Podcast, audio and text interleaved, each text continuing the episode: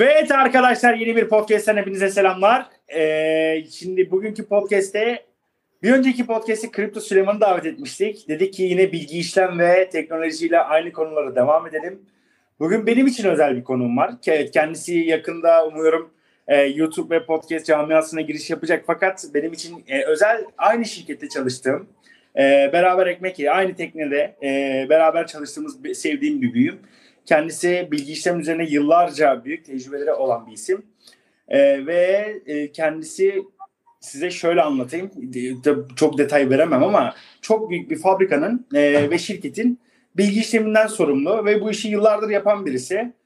E, Sedat Göktaş'la beraberiz. Sedat abi hoş geldin. Merhaba Ali'cim hoş bulduk. Nasılsın? İyiyim abi sağ ol. Sen ne yapıyorsun? İyisin. İyiyiz bizler de Ali'cim. İyi olmaya çalışıyoruz. Yani zor günlerden geçiyoruz. Ee, daha iyi olacağız inşallah. İnşallah.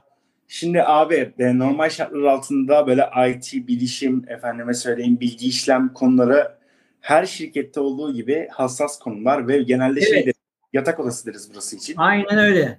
Ee, ve dışarıdan bilinmemesi, görülmemesi gereken efendime söyleyeyim ticari sırların bulunduğu şeylerin hepsi bilgi işlemde her zaman mahfuzdur. Onun için bilgi işlem her sektör için yani sektör et, et, etmeksizin önemli. Şimdi evet. Biraz hikayeni dinlemek isterim işin aslı. Ee, Sedat abi sen kimsin? Ne zaman başladın? Bir de şunu söyleyeceğim. Ee, sen mesela örnek veriyorum. Bir konuya da yorumunu eklemeni isteyeceğim en sonunda. Bugün abi 3 gün önce 4 gün önce Microsoft'un bir ilanı vardı iş ilanı. Adamlar açık açık mezuniyet istemediklerini söylediler veya dediler ki mesela bugün Apple, Google gibi şirketler evet. gerçekten bir bölüm mezuniyeti değil tecrübe istiyorlar. Bu konudaki düşüncelerinle beraber senin öykünü biraz dinleyebilir miyiz abi? Buradan başlayalım. Tabii. E, adım Sedat Göktaş tanımayanlar için. E, 43 yaşındayım. Evliyim. E, iki çocuk babasıyım. E, IT sektöründe e, şu an e, bir grup şirketinin yani 3-4 şirketten oluşan bir grup şirketinin e, IT departmanının başındayım. E, benim için e, tabii ki zaman lise yıllarında başladı. Yani lise yıllarından sonra e, iş hayatına hızlı atıldım. E, iş hayatında e, atıldıktan sonra aslında e, e, bir bakıma bilgi işlemle tanışmam sonralarda oldu. Yani öncelikli olarak elektronik e, bu sektörlerde çalışıyorken işte öğrencilik yıllarında e, o zaman hani e, böyle e, para pul falan da hani e, yine görmüyor gözümüz de hani öyle kafa şeyler kafamızda yoktu. Sadece çalışma aşkı, iş aşkı vardı. E, dolayısıyla e, neler yapabiliriz diye e, açıkça söylemek gerekirse ben teknik servis elemanı olarak başladım. Yani e, ne yapıyordun dersen e, gidip işte Ethernet kartı işte o zamanki e, Yıldız Starbucks'a bu arada 96 yıllarda başladım ben. 96 yılında başladım. Yani 96, 96'dan bugüne mi abi? Yani... Evet doğrudur. 96'dan bugüne yani aşağı yukarı askerlik süresini falan çıkarsak 23 yıldır bu sektörde e, fa, e, çalışıyorum. İşte bunun e, yıllar içerisinde e, tabii ki girişte hani teknik servis elemanlığı daha sonra sistem destek uzmanlığı sonrasında e, ilginçtir Ali'cim yani sadece bilgi işlem yönetimi olarak değil e, bilgi işlemin de yani içerisinde olduğu yine yani daha doğrusu sektörün bilgisayar sektörün içerisinde olduğu değişik satış proje e, kanallarında da kurumsal satış kanallarında çalıştım. E, ve büyük bir bölümü yine aynı e, zamanda e, eğitmenlikle geçti. E, yine Türkiye'nin çok büyük kurumlarından bir tanesi olan bir e, bilişim eğitim e, kurumunda e, eğitmenlik yaptım. E, yaklaşık olarak bakacak olursak 8-10 yıllıkta bir e, eğitmenlik geçmişim var özel eğitim kurumlarında. E, anlatmayı seviyorum. İnsanlarla diyaloğum e, iyi. E, aktarmayı seviyorum. E, eğitmeyi seviyorum. Anlatmayı seviyorum. Paylaşmayı seviyorum her şeyden önemlisi. E, dolayısıyla yıllar içerisinde bu e, becerilerim ve e, çalışmalarım da bana çok şey kattığını düşünüyorum. Dediğim gibi lise yıllarında başladı. Ondan sonrasında işte üniversite, üniversite sonrası e, özel sektör, e, başladıktan sonra e, değişik konularda çalışmalar yaptım. Evet, e, şu anki pozisyona yani e, birden gelmedik açıkça söylemek gerekirse. Şeyde hani halk arasında mesela biz bu işe geçen cumartesi başlamadık diye. Aynen öyle. Yani Ve, şöyle eskileri hatırlayacak olursak yani dinleyenler e, dinleyenlerin de gözünün önünde canlanması açısından yani e, işletim sistemlerinden konuşacak olursak örnek e, konumuz e, içerisinde e, örnek veriyorum işte e, bir Windows işletim sisteminin daha e, öncesinde kurulması gereken işte DOS işletim sistemi komut satırlarından işte e, programlamayı e, görsel ortamda değil satırlar halinde e, yazdığımız e, yıllardan bu yıllara geldik Ali'ciğim. Büyük bir büyük bir zaman dilimi. Çok büyük zaman dilimi. Yani işte şimdi e, internet teknolojilerini konuşuyoruz ki internet bence e, bilişim sektörünün en önemli e, at, şeylerinden bir tanesi yani gelişimlerinden bir tanesi e, anlatacağım. E, dolayısıyla hani internet çok şey kattı hayatımıza. Bu geçmiş yıllara baktığımda şöyle bir hani hayatımı film şeridi gibi gözün önüne getirdiğimde işte yine e, dial-up modemle işte e, değişik o seslerin çıktığı modemlerle internete bağlanmamızdan işte bir e, bir şey söyleyeceğim abi sen Sedat abi şimdi evet. bir, bir gazeteci bir abimiz vardı yakın zamanda o es, şey anlatmıştı bana e, biz o zaman gazetecilikte Bursa Spor maçına gittiğimiz zaman e, evet. gazeteyi mesela Antalya'dan arardık. Tabii cebimizdeki jetonlarla kulübelerden de jetonla elimize en az 30-40 tane olurdu kendi yeterdi. Şimdi evet. tam böyle girince konuya ee, sen o kablolamaları da yaptın değil mi abi? O dial-up dediğiniz sistemlerde. Tabii ki. Yani dial-up sistemler yani e, BNC konnektörler Alicim yani kategorinin falan fiberin olmadığı yani o, o zamanlarda hani vardı da yani çok uç uç örneklerdi yani. Peki kaç megabitti abi o zaman şey internet hızı? E, vallahi ben 14 400'leri ondan sonra 28K'ları 36K'ları 56K'ları hani hatırlıyorum yani. Megabit değil. evet. 36 kilobit. Şey 16 kilobit falan. Aynen öyle Ali'cim. Aynen öyle. E tabi BBS sistemler vardı. Yani ilk çıktığı zamanlar mesela ben hatırlıyorum Bursa'da ilk bir e, e, e şeyin e, eczanenin otomasyon sistemini yapmıştık sene e, 99'lar 2000'lerde.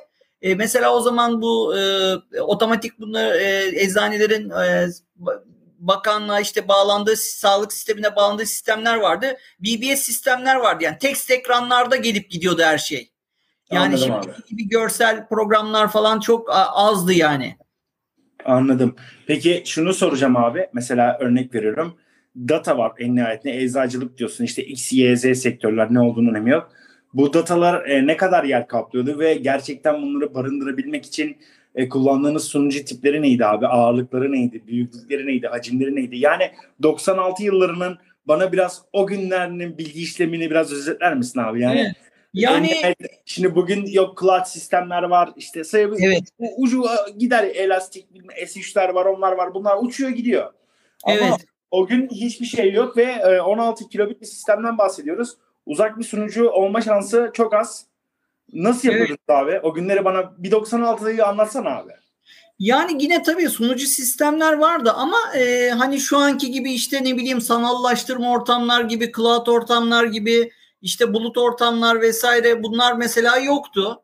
E, yani yine e, normal hani PC tabir edeceğimiz tarzda büyüklükte e, hatta daha büyük tabii kasalarda şimdi biliyorsun e, mikro ATX'ler çıktı, mini ATX'ler çıktı ondan sonra e, normal işte tower, big tower dediğimiz büyüklüklerde e, kasalarda yine hani sunucu ortamları, iş istasyonu ortamları vardı. Ama hani kapasite olarak dediğinde mesela işte benim mesela jenerasyonda işte örnek veriyorum bizim bilgisayar laboratuvarlarımız o zaman işte yani şimdi mesela i7'ler işte Athlon işlemciler, AMD'ler vesaireler, Intel'in mesela değişik işlemciler 286 işlemciler vardı mesela. 286 e, megahertz işlem yapan işlemciler vardı. İşte e, disketten işletim sistemini başlatarak çalıştırıyordun.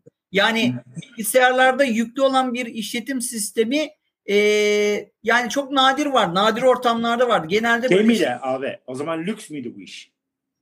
Tabii ki lükstü. Yani pahalıydı. yani baktığın zaman tabii ki yine vardı bu sistemler ama hani baktığın zaman e, örnek verecek olursak hani uç sistemler veya pahalı sistemlerdi. E, dolayısıyla e, teknolojinin hani yaygınlaşmasıyla e, biraz da e, ucuzladı, kullanılmasıyla, yayılmasıyla ucuzladı. E, o zamanlar mesela işte bu bilgisayarlarda mesela çok e, şey komik hani şu an yok. Mesela işte floppy sürücüler, disket sürücüler tabir ettiğimiz yani şimdi flash bellekleri bile kullanmıyoruz artık yani hani bir nebze kullanımda.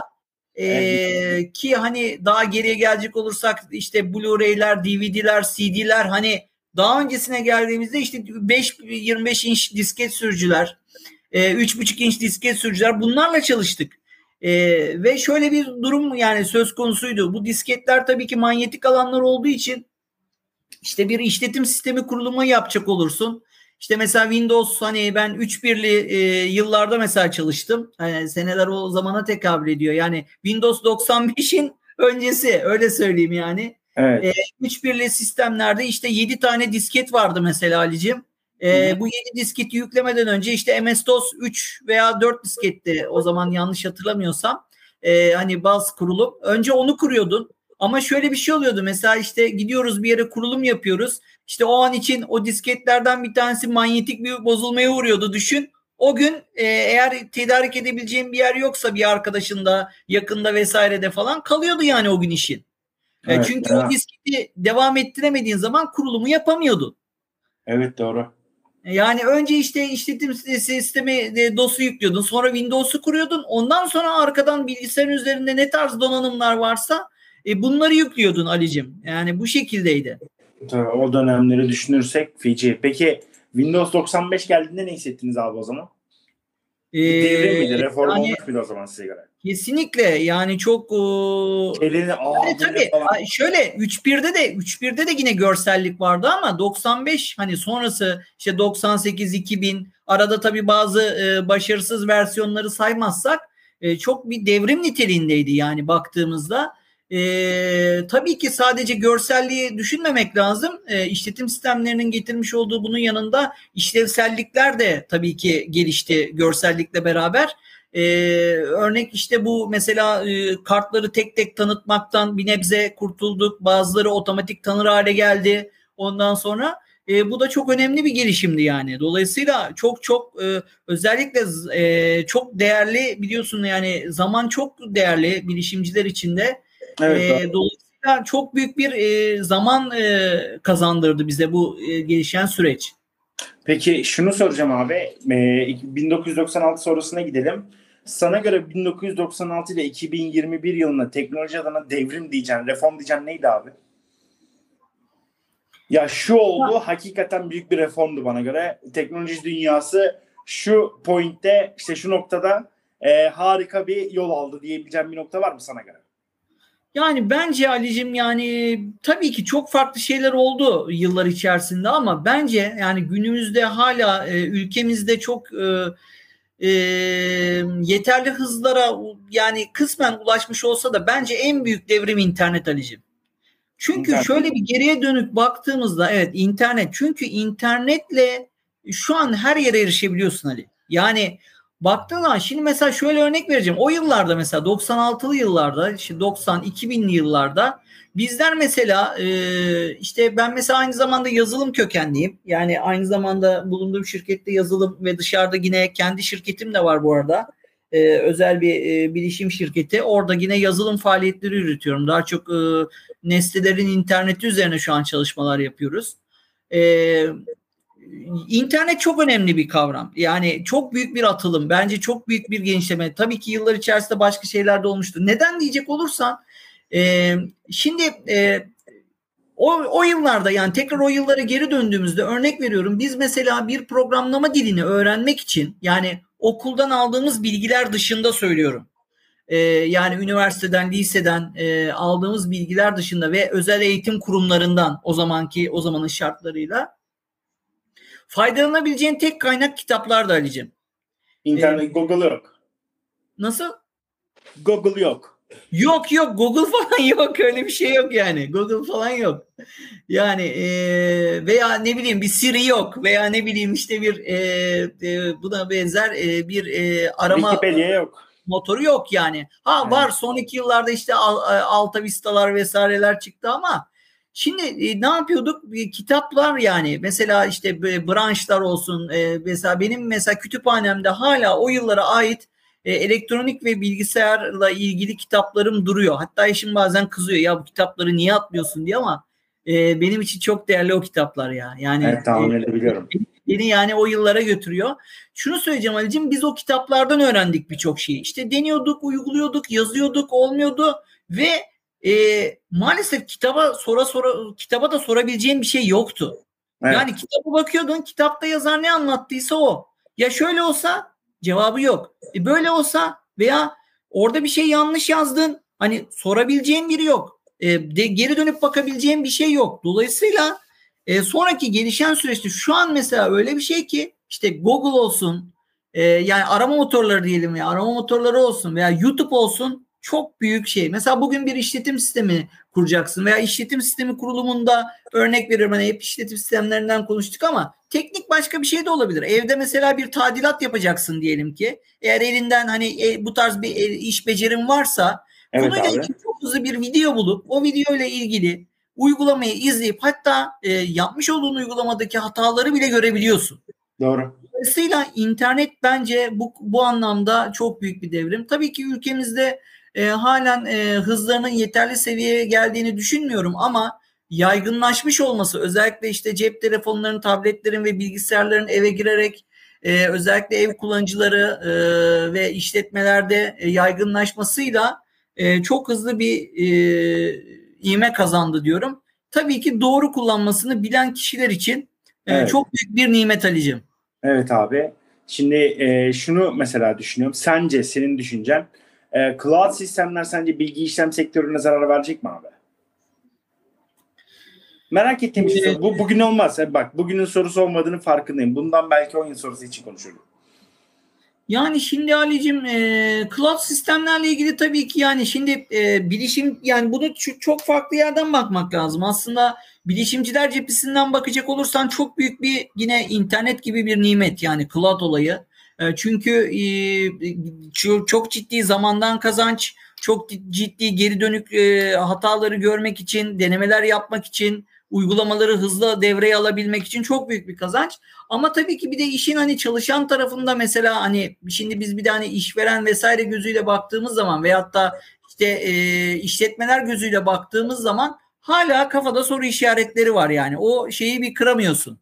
E, dolayısıyla bence e, evet cloud sistemler e, dediğin gibi belki hani yani e, bizim işlerde belki hani bazı şeyleri alıp götürüyor ama sonuçta baktığın zaman bunların arkasında da ciddi bir ekip çalışıyor Ali'cim. Evet. Yani ayrı, sonuçta... ayrı bir bilgi. Oh, yok şimdi ben o cloud şirket cloud e, sistemlere ait şirketlerden bahsetmiyorum. Zaten onlar hayvani seviyelerde mühendis de alıyorlar. Evet. İnkar da alıyorlar. Zaten bilgi işlem sektörü ölmeyeceğinin farkındayım. Ben sadece şey kısmındayım. Özel sektör yani diğer sektörler içerisindeki e, bilgi işlem e, ölür mü diye böyle 10 yıl sonra bugün ölmeyecek kesin. Onu zaten biliyoruz da acaba bir tehdit unsuru oluşturuyor mu diye kendi kendime öyle bir düşünmüştüm bir ara. Vallahi Ali'cim ee, yani ben çok oluşturacağını düşünmüyorum. Yani tabii ki bu e, şirketlerin e, bu cloud sistemleri neresinden ne kadar geçtiğiyle orantılı bir şey. Şimdi evet, evet e, eskiye göre baktığımızda kişiler daha bilinçli kullanıyorlar. İşte bir e, mobil uygulamayı veya mobil cihazları. E, eskiden mesela sadece telefonu işte alo demek için kullanırken şu an e, bir bilgisayar gibi kullanabiliyorsun. Çünkü telefonlar o kadar çok e, gelişti ki e, bir bilgisayar kapasitesinde işte belleğe sahip, hafızaya sahip ürünler haline geldi. Dolayısıyla bu cihazlar üzerinde de işte bulut sistemler vasıtasıyla bir takım şeyler çalıştırılabiliyor. Evet. Ama e, şimdi e, gel gör ki ülkemizde hala e, kullanıcıların yani kişilerin bu cihazları kullanım seviyesi aynı kalitede mi dersen değil. E, o noktada değil. E, böyle olunca yani, ki şey bizim gibi Geçen... elemanlara her zaman ihtiyaç olacaktır. Tabii. Geçen mesela şeyi konuşuyorduk işte iPhone 13 hakkında. Yani e, bir işlemciye e, işte örnek yanlış bilgi veriyorsam dinleyicilerden özür diliyorum. A14 Bionic işlemci yerine A15 yapmışlar. Aralarındaki efendime söyleyeyim segment farklılıklarına bakıyorum teknik anlamda abi. Entegreler üzerinden evet. ne yani bu adamlarda ne değişti? Yani %95 aynı.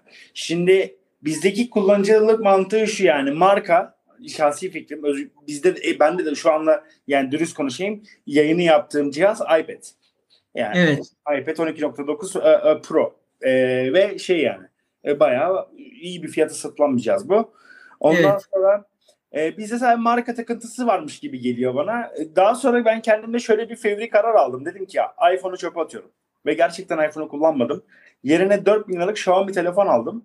Xiaomi'nin işlemcisine baktım abi. A13 e, özür dilerim iPhone 13 Pro'daki işlemciyle kafa kafaya. Aradaki fiyat farkı bir 15 bin lira. Evet. Ayrı bir konu. Şimdi bizim aslında bilinçli bir e, nasıl diyeyim bilinçli bir teknoloji tüketim kültürümüz de yok abi. Yok, yok. E, bununla ilgili mesela e, şöyle bir örnek vereyim. Mesela e, yıllar önce e, amcam e, şeyde yurt dışında e, bir arkadaşı var e, ondan sonra.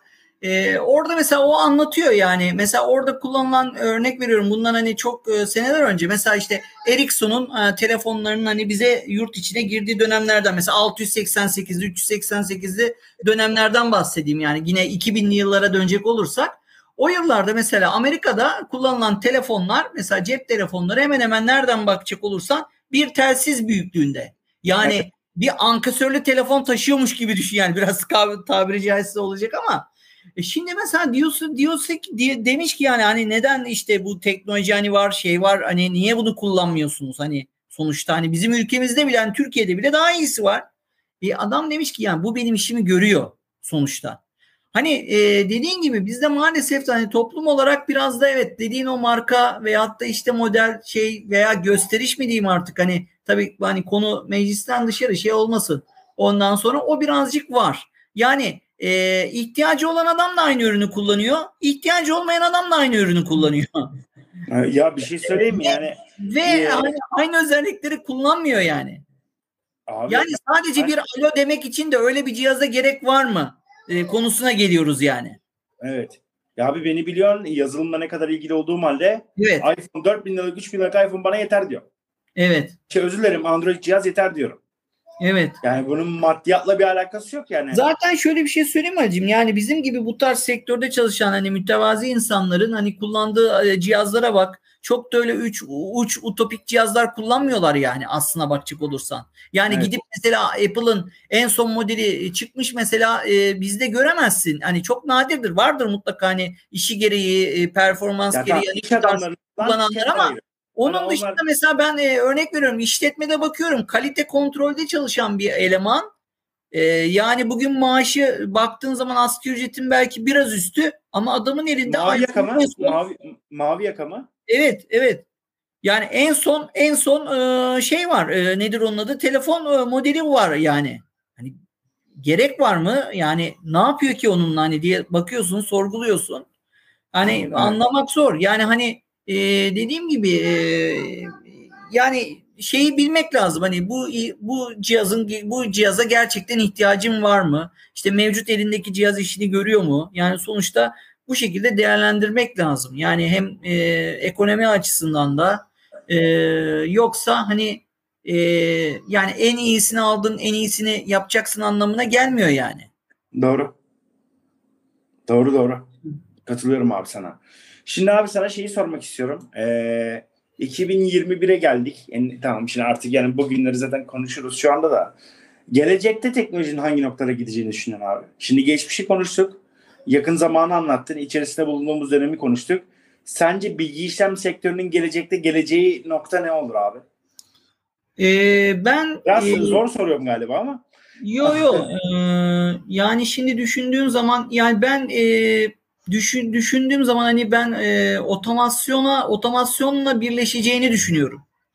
Çünkü e, servo sistemler mi abi? Servo sistemler üzerine mi? Yani bu hayır e, nesnelerin interneti üzerine daha çok tamam, eyvallah IoT. Evet. Çünkü e, artık e, sen de biliyorsun ki hani etrafımızdaki e, internete bağlı cihaz sayısı sür, her geçen gün artıyor. E, dolayısıyla işletmeler açısından baktığımızda da yani bilgi işlem e, sektörü veya IT sektörü olarak baktığımızda da e, şu an her ne kadar işte bir bilgi işlem e, sadece hani belki işte konum itibariyle e, bu e, şeylerle uğraşıyor gibi gözükse de bence önümüzdeki dönemde bu otomasyon da onların birer e, parçası haline gelecek. Çünkü e, kullanılan mesela işletmeler için kullanılan sistemler de artık bu ortak sistemlerle işte ne, nasıl diyeyim aktif, hani biraz teknik olacak ama dinleyenler için işte Active Directory gibi işte bazı otantiket servislerle e, ortak konuşma noktasına geldiler.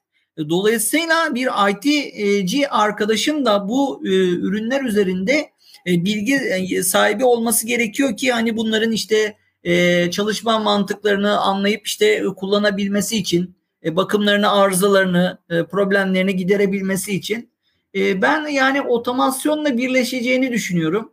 E, bu konuda da nesnelerin interneti çok büyük bir e, devrim yani baktığımızda. Artık her şey doğrudan bütün cihazlar, bütün e, aletler. Tabii. Ee, yani şöyle şu an için belki sadece işletmeler için gözükse de çok yakındaki yurt dışında örnekleri var. İşte akıllı buzdolapları gibi. Ondan Abi sonra ben, ben ben en son gördüğümü anlatayım mı çok kısa? Evet. E, mevzu yine Çin'de oluyor. Guangzhou bölgesinde. Orası biliyorsun anormal bir bölge bana göre. Evet. Kendime söyleyeyim. Adamlar şöyle bir şey yapmış. Mesela 80 metrekare ev var tamam mı? Evet. Ondan sonra e, mesela evin hanımı örnek veriyorum. Evin dizaynını komple değiştirmek istiyor. Sana Hı-hı. bir şey söyleyeyim mi? Evin içine duvarlardan tut koltuklara kadar her şeyi yer değiştiriyor. ya. Dedim ki yani bu olarak. Ya önce önündeki programla telefonunu çiziyor. Evet. Evden ayrılıyor. Sallıyorum duvarlar işte katlanıyor. Havaya işte örnek veriyorum tavandan başka bir yere geçiyor. Tekrar açılıyor. Kanepeler başka bir noktaya gidiyor. Yani bildiğin evin içi komple değiştiriliyor abi. Yani şu an aslında Ali'cim e, hani bu belki başka bir podcast konusu olabilir. Yani nesnelerin interneti hakkında belki ayrı bir yayın olur olur olur. Büyük müsait bir zamanda ama evet. şöyle kısaca bir, bir bilgi vermek gerekirse şu an mesela günümüzde en yakın örneği yani her yerde bir şimdi mesela e, robot süpürge furyası gidiyor. Evet. Benim mesela, var. Evet şimdi mesela artık evimize girdi. Yani hani belki tamam e, işte sipariş verebileceğin veya işte e, bir e, şeye bağlı olan e, internet yapısına veya bir sisteme bağlı olan buzdolabı belki bir uç örnek ama e, şu an baktığın zaman çevrende yani birçok kişi de e, işte robot süpürge dediğimiz olay e, artık evlere girmeye başladı. İşte bu da bir nesnelerin interneti yani otomatik olarak işte kumanda edebiliyorsun, programlayabiliyorsun. E, bir otomasyon sistem var. Yani bunun gibi sistemler e, çok yakın e, gelecekte biraz daha hatta ülkemizde geç kalmış da sayılabilir ama bu tabii ekonomik durumları da var sonuçta. E, evet. Yani içimizde olacak. Olmak da durumunda. E, tabii ki e, ama bu... bir şey söyleyeyim mi? Ben bu sistemleri hem çok seviyorum hem çok karşıyım. Yalan değil. Ben de yanlış anlama. Elimde bir robot süpürge de var yani. Yok da değil. Evet. Ee, bir yandan abi mesela Xiaomi marka alıyorsun robot süpürgeyi. Ama evet. adam senin evinin haritasına kadar her şeyini aslında biliyor. Şimdi bu kadar hayatımızın isteklerini paylaşmak ne bileyim yani tam olarak kendi kendime yaşadığım çıkmaz da konu bu. Bilmiyorum. Yani telefonlar elimizde tarayıcılardan hayatımızın istatistiklerini görüyorlar. Bir tane yakın zamanda bir podcast'te şeyi anlatmıştım abi. iPhone telefonlarda Pegasus Spy diye bir virüs var. Evet. Ee, ve bu telefonda düşünsene abi. Amerikalı e, medya şirketleri tarafından İsrail yazılımcılara yaptırıldı ve bu telefon direkt devlet başkanlarına gönderildi. Fransa Cumhurbaşkanı Macron'a e, şey röportaja giden Amerikalı gazeteci Macron'un bütün özel hayatını biliyordu. Şimdi bu nasıl bir hayat? Anlatabiliyor ya, Tamam gidip biz bir Macron değiliz ya da ne bileyim bizim devlet başkanları yani, değiliz. Bu, evet. bu hiçbir zaman olmayacak ayrı konu da.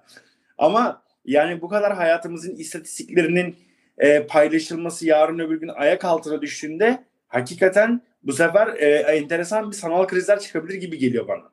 Yani şimdi tabii hani bununla ilgili e, bizim hani bilişim tarafında baktığımızda işte e, işte kullanmış olduğumuz e, değişik savunma araçları veyahut da koruma araçları dediğimiz işte firewall'lar, antivirüsler e, gibi e, yazılımlar veya donanımlar donanımsal olarak da e, baktığımızda e, şu an için e, bu ürünler e, dediğin gibi bir tehdit e, göstermiyor gibi olabilir. Ama sonuçta arka tarafta bunların da baktığında e, birçok global üründe e, arka tarafta yönetilebilir ciddi bir servis çalışıyor.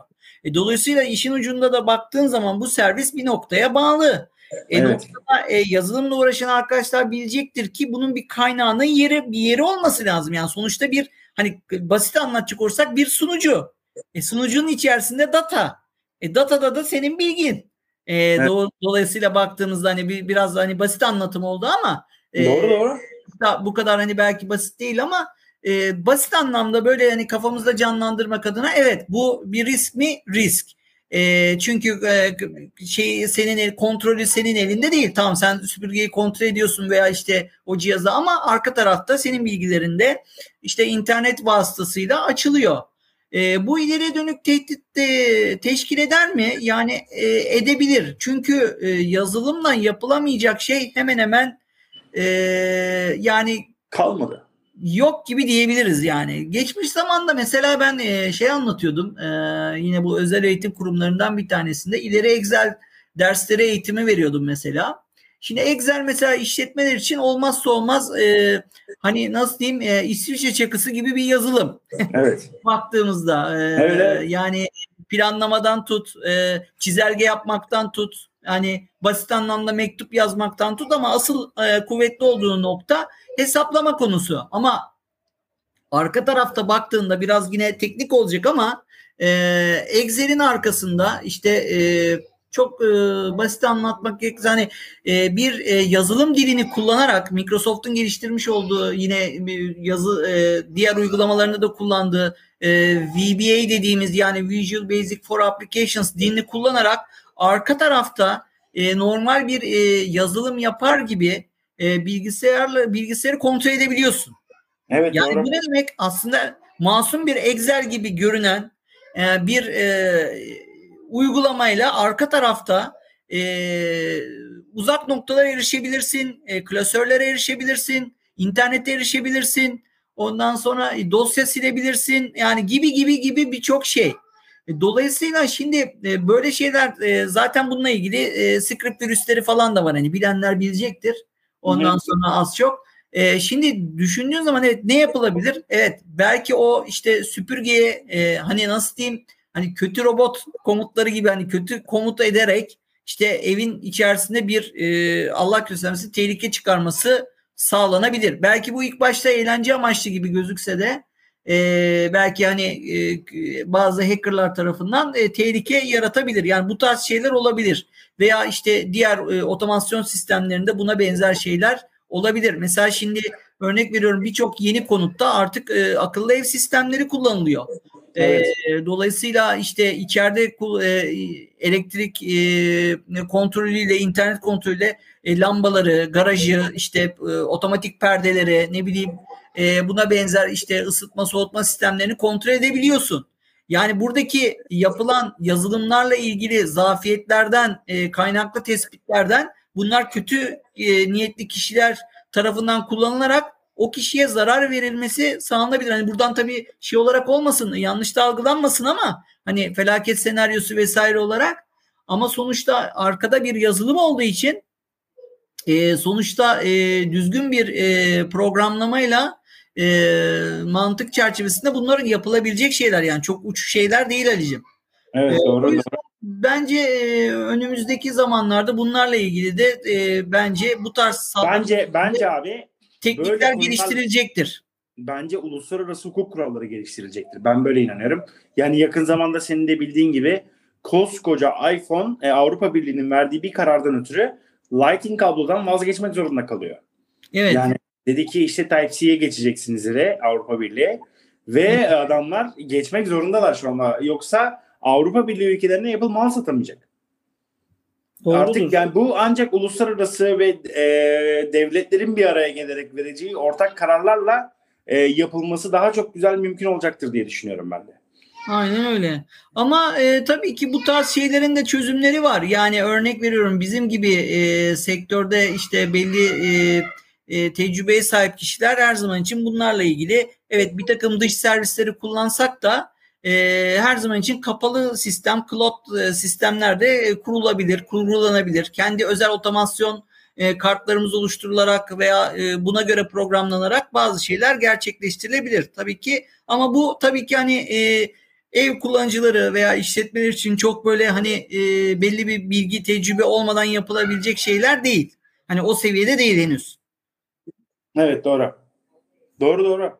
Evet. Şimdi abi e, diğer bir soruma geleyim. E, malum bu işin okulunu okuyan çok insan var. Çok öğrenci var.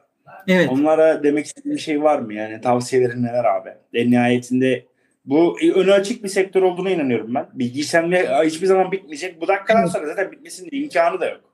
Evet. Şimdi Ali'cim tabii geç yani biraz geniş bir cevap olacak ama geçmişte mesela bilgi işlemci ve IT'ci dediğinde her işi yapıyordu mesela. İşte e, buradan aklına ne geliyor? İşte donanımını da yapıyordu, yazılımını da yapıyordu, işte veri tabanını da yapıyordu falan. Şimdi artık günümüzde bunlar biraz e, kendi arasında branşlaşmaya başladı. İşte okullarda da görüyoruz. E, ama bence hani e, evet bir konuda uzman olmak çok iyi. E, yani uzun yıllar bir konuda çalışmak ama bence e, genel anlamda bir bilgi işlem personelinin e, birçok konuya hani birçok konuda fikrinin olması, e, izlemesi, takip etmesi gerekiyor. Şimdi tabii e, eğitim sistemimiz bugünün konusu değil ama e, bence e, şöyle özetleyecek olursak sadece okullarla bu işin e, yürümesi mümkün değil. E, Podcast'in bir bölümünde de bahsettin. Dedin ki işte şirketler ciddi anlamda e, sert, e, sertifikalı veya e, işte bu işin okulunu okumuş öğrenci e, kişileri mi tercih ediyorlar yoksa sektörde deneyime kazanmış Tabii. kişileri mi tercih ediyorlar dedi. Bahsettiğim şirketler Apple, Google. Evet. E, şimdi tabii aslında yurt dışında da çok farklı değil. Bu arada ben kendi adıma da konuşacak olursam şu anki sahip olduğum birikimlerin yani bilgi birikimlerinin yüzde e, çoğunluğunu e, maalesef e, iş hayatında öğrendim. Yani okul bana sadece belli bir kısmını verdi. Hepimiz için öyle abi. E, okul gerekiyor. Yani e, sadece etiket olarak düşünülmemeli. Okul mutlaka gerekiyor. Okumamız gerekiyor. Bir, sadece e, okulda biliyorsun eğitim öğretim değil. Aynı zamanda e, işte üniversitede beraber işte üniversite veya işte lise hayatı hayatı da öğreniyorsun e, özellikle. E, o yüzden e, benim tavsiyem yani okullarını evet arkadaşlarımız okuyacaklar ama e, bu iş e, piyasada öğreniliyor Ali. Yani e, sektörde öğreniliyor. Başına gelmeden öğrenemiyorsun. Veya bir proje e, ucundan tutmadan bir proje geliştirmeden öğrenemiyorsun. E, peki nasıl olacak bu? Yani e, şimdi e, ben oturacağım hani bir program yazacağım. İşte ne programı yazacağım? İşte basit bir mesela ziyaretçi takip uygulaması yazacağım. E, nasıl olacak bu? Yani ilham gelmesini mi bekleyeceğim? Hayır tabii ki değil. Yani bu e, sizin e, takip ettiğiniz bir e, veya e, sizden talep edilen e, bir projeyi e, derinlemesine incelemeyle oluyor.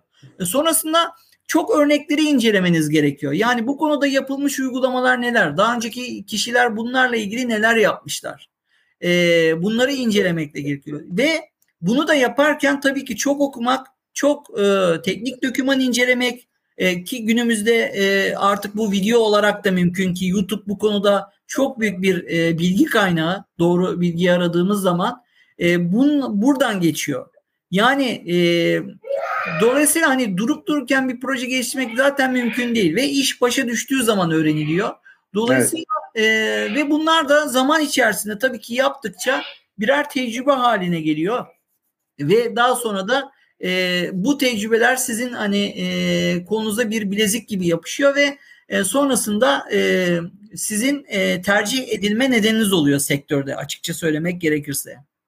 Evet, e, evet. Çünkü e, hani şimdi herkes bir CV dolduruyor Ali'cim yani e, sonuçta geçen mesela bununla ilgili bir örnek yaşadım. Bizim sek, bizim sektörde değil ama e, benzer bir sektörde. Şimdi arkadaş işe başlamış e, doldurmuş CV'yi çok güzel. İşte onu yapıyorum, bunu yapıyorum, şunu yapıyorum falan.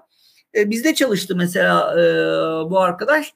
Sonra e, üst yöneticisi e, dedi ki ya dedi o arkadaş ayrıldı. E, hayırdır dedim. E, neden ayrıldı? E, dedi ki CV'deki yazdıklarını hiçbirini bilmiyormuş dedi. E, şimdi e, tabii yani şimdi hani orada yazıyor olmuş olmak için de yazmamak lazım. Yani onun arkasını doldurabiliyor musun? Gerçekten bu işi e, bilen kişilerle karşılaştığında bu e, üzücü sonuçlar çıkarabilir ki zaten arkadaşın da işine son verilmiş. E, şimdi e, bu gittiği yerde inşallah tekrar böyle bir hatayı tekrarlamaz. Çünkü e, gerçekten işe ne vakıf olan e, profesyonel bir kişiyle karşılaştığında zaten işi bilip bilmediği hani o gün o saat içinde belli olmasa bile iş anında mutlaka belli olacaktır. O yüzden dolayı hani evet e, okullar, etiketler önemli ama gerçekten yapılan işler, e, yapılan projeler, yapılan çalışmalar aslında kişinin aynası e, oluyor. O yüzden e, yani bence genç arkadaşlar yılmasın. Bir de e, şimdi mesela bakıyorum ben, ben ben de mesela geçmiş dönemde çok stajyer arkadaşla çalıştım. Değişik üniversite stajyerlerimiz oldu, lise stajyerlerimiz oldu. Ee, insanlar bilgiye tamam e, hemen ulaşmak istiyor veya bir şeyleri hemen yapmak istiyor ama bunun için sen ne veriyorsun? Bu çok önemli. Ne kadar isteklisin? Evet evet doğru abi. Hayran gönüllü müsün? Hemen tamam ben bunu istiyorum dedin. Bir şey karıştırdın, bir makale baktın veya bir video baktın e, ertesine baktın maç haberlerine bakıyorsun veya ne bileyim işte başka bir konuya girdin konu unutuldu gitti. E, böyle olmaz. Olmaz, olmaz yani olmaz. E, bu çok önemli. Yani kişinin bir istemesi. Tabii Ali'cim bir de hani bizim gibi personellerin gelişiminde e, bizim zamanımızdaki abilerimizin, ablalarımızın e, yani e, karşılaşmamız da çok önemli. Yani doğru insanlarla karşılaşmak da önemli. Çünkü karşındaki insanın da sana bunu verebiliyor olması gerekiyor. Bunu evet, aktarabiliyor olması gerekiyor. O yüzden bu iş biraz da Ali'cim e, işletmelerde biraz da şans işi maalesef. E, o yüzden e, benim genç arkadaşlara tavsiyem yılmasınlar, çalışsınlar, sürekli okusunlar, e, sürekli kaynakları. Bak ben ben bile bu yaşımda 43 yaşındayım. E, hala takip ettiğim internet üzerinde online eğitim programları var. E, bilgilerimi taze tutmak adına, e, kendimi geliştirmek adına e, bunları yapıyorum. Geçen bak bununla ilgili bir şey anlatayım sana. E, abi. Uluslararası bir e, eğitim portalında yine kayıt olduğum kurslardan bir tanesi. Genç bir e, eğitmen arkadaşımız e, üniversitelerde de eğitimleri var ve bu yoldan para kazanıyor. Yani eğitmenlik, e, online eğitmenlikle para kazanıyor. Bir kursuna kayıt olmuştum. 2-3 e, kursunu daha satın aldım. E, para verdim yani bu arada para, parayla satın alınan kurslar bunlar. Hı hı. Ondan sonra e, ilgimi çekti. E, gerek arkadaşın anlatımları olsun, gerek e, bakış açısı olsun.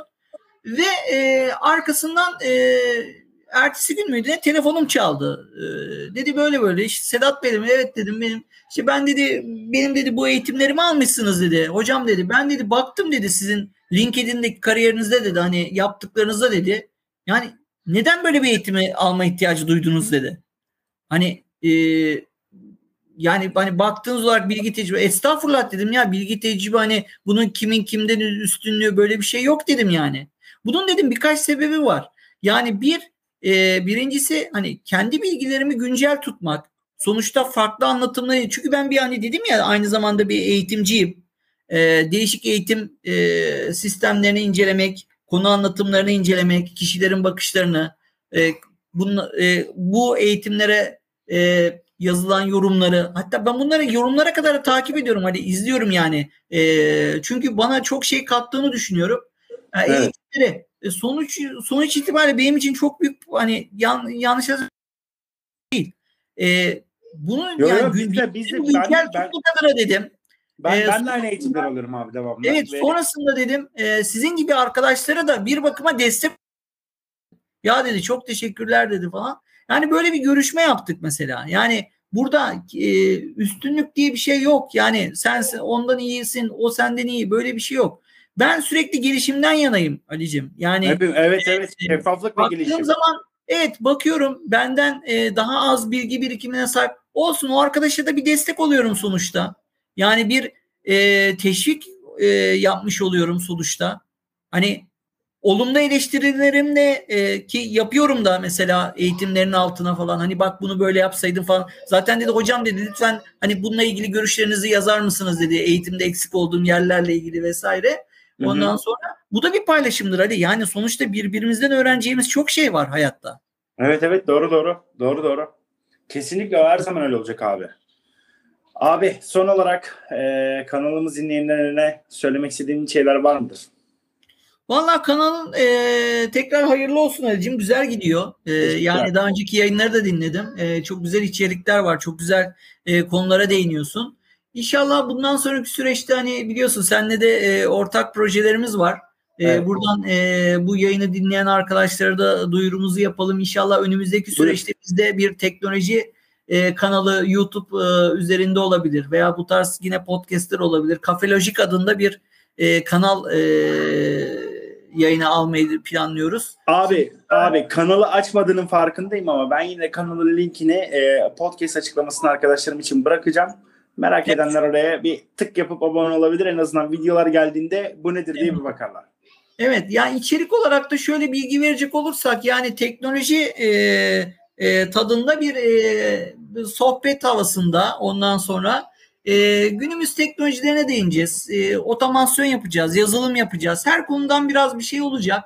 E, burada bunu da yaparken işte e, sektörde e, bu konuda e, bilgi sahibi olan arkadaşların e, ortak e, e, paylaşımlarına yer vereceğiz. E, bilgi tecrübelerine yer vereceğiz bu şekilde faydalı bir kanal olacağını düşünüyoruz ama tabii hani e, biraz bunun için de zaman ayırmak gerekiyor. Çok fazla zamanımız da yok. Nasıl olacak bilmiyorum ama bir şekilde bir yerden başlayacağız acım inşallah. Ya abi işte ben e, podcast'i sevmemin nedeni bu. Çünkü şimdi YouTube deyince oraya ortaya kamera kaydı giriyor. Editleme Evet. yani daha kapsamlı ve ben abi kamera karşısına geçmekten nefret eden bir adamım.